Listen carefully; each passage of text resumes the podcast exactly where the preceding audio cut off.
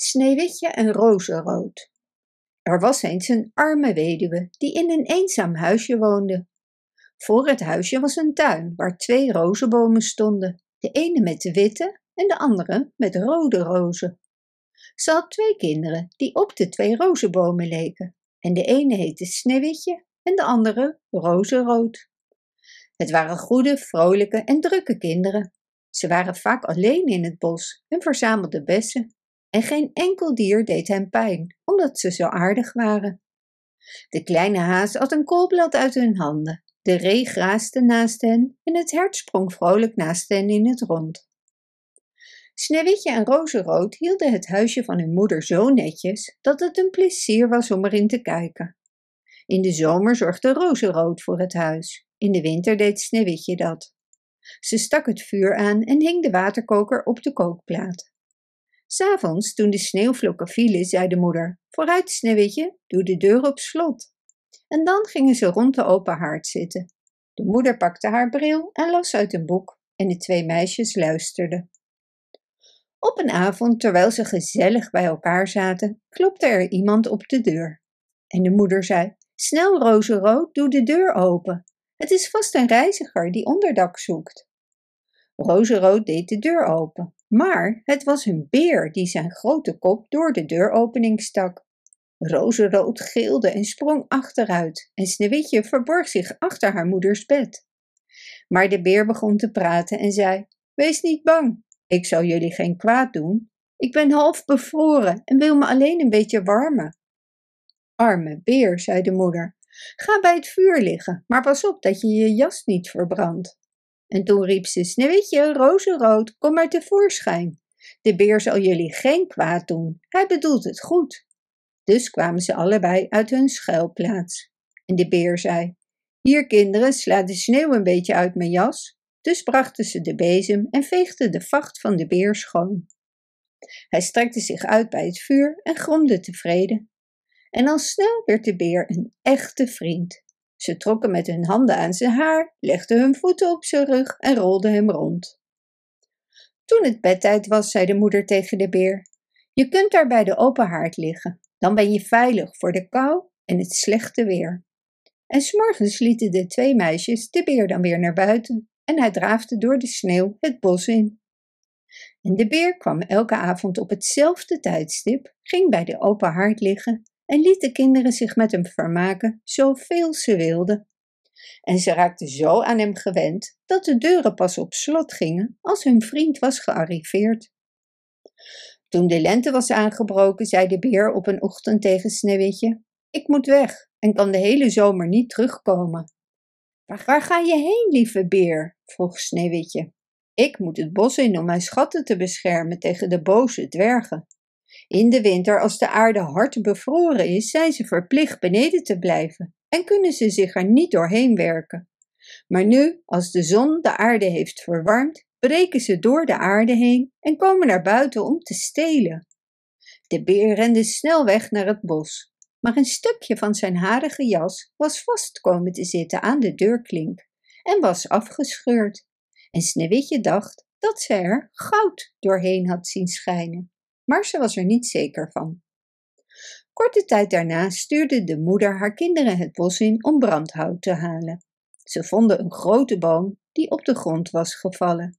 En vlak bij de stam sprong iets heen en weer in het gras, maar ze konden niet zien wat het was. Toen ze dichterbij kwamen, zagen ze een dwerg met een oud, rimpelig gezicht en een sneeuwwitte baard.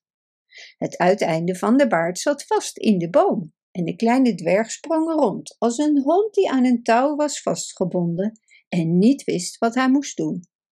Hij keek de meisjes aan met zijn vurige rode ogen en riep: Waarom staan jullie daar maar? Kunnen jullie niet hier komen om me te helpen?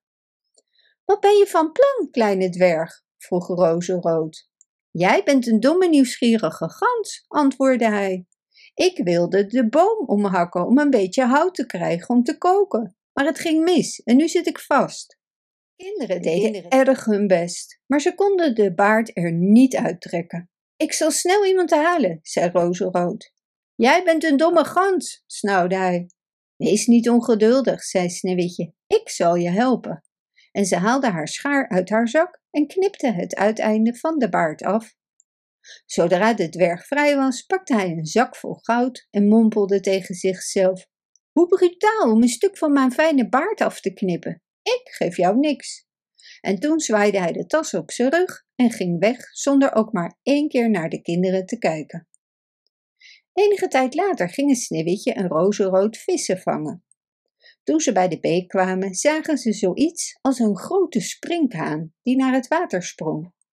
Ze renden er naartoe en ontdekten dat het de dwerg was.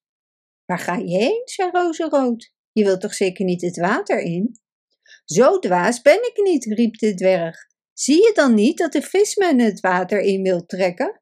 De kleine dwerg had daar zitten vissen en helaas had de wind zijn baard met de vislijn verstrikt.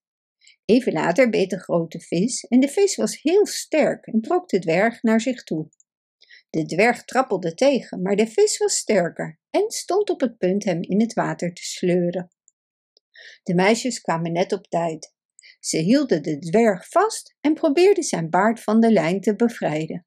Er zat niets anders op dan weer de schaar tevoorschijn te halen en de baard af te knippen.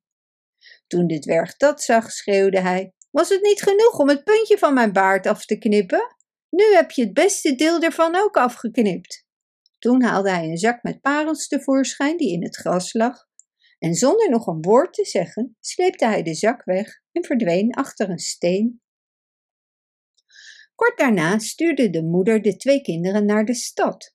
Onderweg zagen ze een grote vogel in de lucht zweven, langzaam rondjes vliegend boven hen, en uiteindelijk dook hij naar beneden, naar een rots, niet ver weg. Meteen hoorden ze een luide kreet. En ze zagen met afgrijzen dat de arend hun oude vriend de dwerg had gegrepen en van plan was hem weg te voeren. De kinderen grepen de dwerg stevig vast en trokken net zo lang tot de adelaar losliet. Zodra de dwerg bekomen was van zijn eerste schrik, riep hij met zijn schrille stem: Hadden jullie niet wat voorzichtiger kunnen doen? Jullie hebben zo hard aan mijn bruine jas getrokken dat deze helemaal gescheurd is en vol gaten zit. Jullie onhandige schepsels. Toen pakte hij een zak vol edelstenen en glipte weer weg onder de rots in zijn hol. De meisjes, die inmiddels aan zijn ondankbaarheid gewend waren, vervolgden hun weg en deden hun zaken in de stad. Op hun weg terug naar huis kwamen ze de dwerg weer tegen, die al zijn edelstenen had neergelegd. De avondzon scheen op de schitterende stenen en ze glinsterden en fonkelden zo mooi dat de kinderen stilstonden en er naar staarden. Waarom staan jullie daar toch te kijken? riep de dwerg en zijn gezicht werd rood van woede. Hij was nog steeds aan het mopperen toen er een luid gegrom klonk en er een beer uit het bos op hen af kwam rennen. De dwerg sprong geschrokken op, maar hij kon zijn grot niet bereiken, want de beer was al dichtbij. Toen riep hij: Beste meneer Beer, spaar me. Ik zal je al mijn schatten geven. Kijk, de prachtige edelstenen die daar liggen. Kom, neem deze twee meisjes maar mee, maar eet ze alsjeblieft niet op.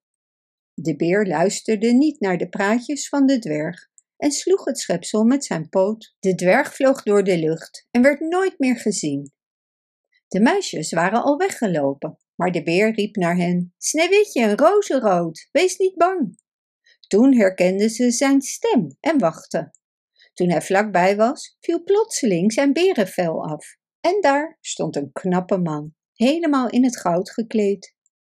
Ik ben de zoon van een koning, zei hij, en ik was betoverd door die slechte dwerg die mijn schatten had gestolen. Ik heb door het bos moeten rennen als een wilde beer, totdat ik werd bevrijd. Sneeuwwitje trouwde met hem en Rozenrood trouwde met zijn broer en ze verdeelde onder hen de grote schat die de dwerg in zijn grot had verzameld. De oude moeder leefde nog jarenlang vredig en gelukkig met haar kinderen. En zij nam de twee rozenbomen mee en ze stonden voor haar raam en droegen elk jaar de mooiste rozen, wit en rood. Bedankt voor het luisteren. Wist je dat je dit verhaal ook op onze website ririro.com/nl kunt lezen, downloaden en printen?